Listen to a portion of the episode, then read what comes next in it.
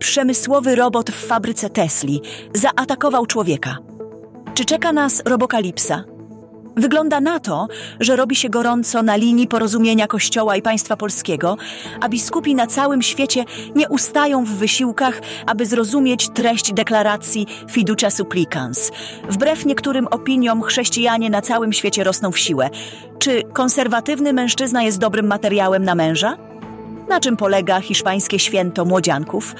O tym i innych wydarzeniach dowiesz się z serwisu informacyjnego Radia Safira. Zapraszamy. Sekretarz stanu Stolicy Apostolskiej, kardynał Pietro Parolin, w imieniu papieża Franciszka zachęcił uczestników 46. Europejskiego Spotkania Młodych do budowania świata dialogu i otwartości. Przypomniał o wartości przyjaźni z Bogiem i ludźmi oraz o konieczności uważnego słuchania, jako akcie miłości i podstawy zaufania. Podkreślił, że młodzież odgrywa kluczową rolę w przezwyciężaniu marginalizacji i budowaniu mostów między narodami, kulturami i religiami. Zachęcił młodych do życia na wzór Jezusa. Podczas zbliżających się spotkań Komisji Wspólnej Rządu i Episkopatu oraz Komisji Konkordatowych omówione zostaną tematy takie jak nauczanie religii w szkołach, przekształcenie funduszu kościelnego w odpis podatkowy, a także ochrona życia i polityka prorodzinna. Obie komisje oczekują zmian personalnych z uwagi na powołanie nowego rządu. Komisja Wspólna rozwiązuje problemy dotyczące stosunków państwo-kościół, natomiast Komisja Konkordatowa skupia się na realizacji konkordatu. Spotkania będą także okazją do dyskusji na tematy prorodzinne i demograficzne w Polsce.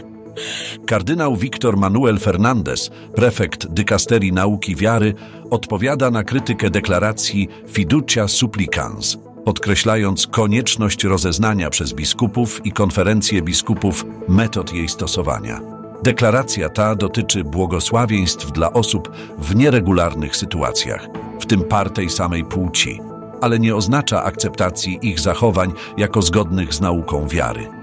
Mimo zróżnicowanych opinii wśród biskupów na całym świecie, kardynał w wywiadzie dla hiszpańskiej prasy wyjaśnił, że takie błogosławieństwa to jedynie gest duszpasterskiej bliskości, nie interpretowany jako akceptacja małżeństw jednopłciowych.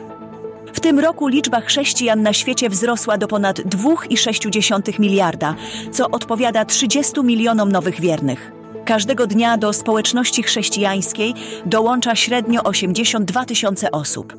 Wzrost ten jest szczególnie widoczny w Afryce, Ameryce, Japonii, Chinach i Korei Południowej. Kościoły protestanckie rosną szybciej niż katolickie, natomiast islam przekroczył liczbę 2 miliardów wyznawców. W Austrii ruszyła 70. edycja akcji kolendowej Związku Młodzieży Katolickiej. Od 27 grudnia do 6 stycznia kolędnicy z 3000 parafii zbierają fundusze na pomoc dzieciom i młodzieży w Gwatemali. W ubiegłym roku uzbierano blisko 20 milionów euro. Akcja obejmuje również spotkania z politykami, w tym z prezydentem Austrii. W fabryce Tesla Giga Texas w pobliżu Austin doszło do niebezpiecznego incydentu, w którym robot przemysłowy zaatakował inżyniera. Robot, przeznaczony do przenoszenia aluminiowych odlewów, natarł na mężczyznę używając metalowych szponów. Pracownik był w trakcie programowania dwóch innych robotów. Inny pracownik zatrzymał atak za pomocą wyłącznika alarmowego.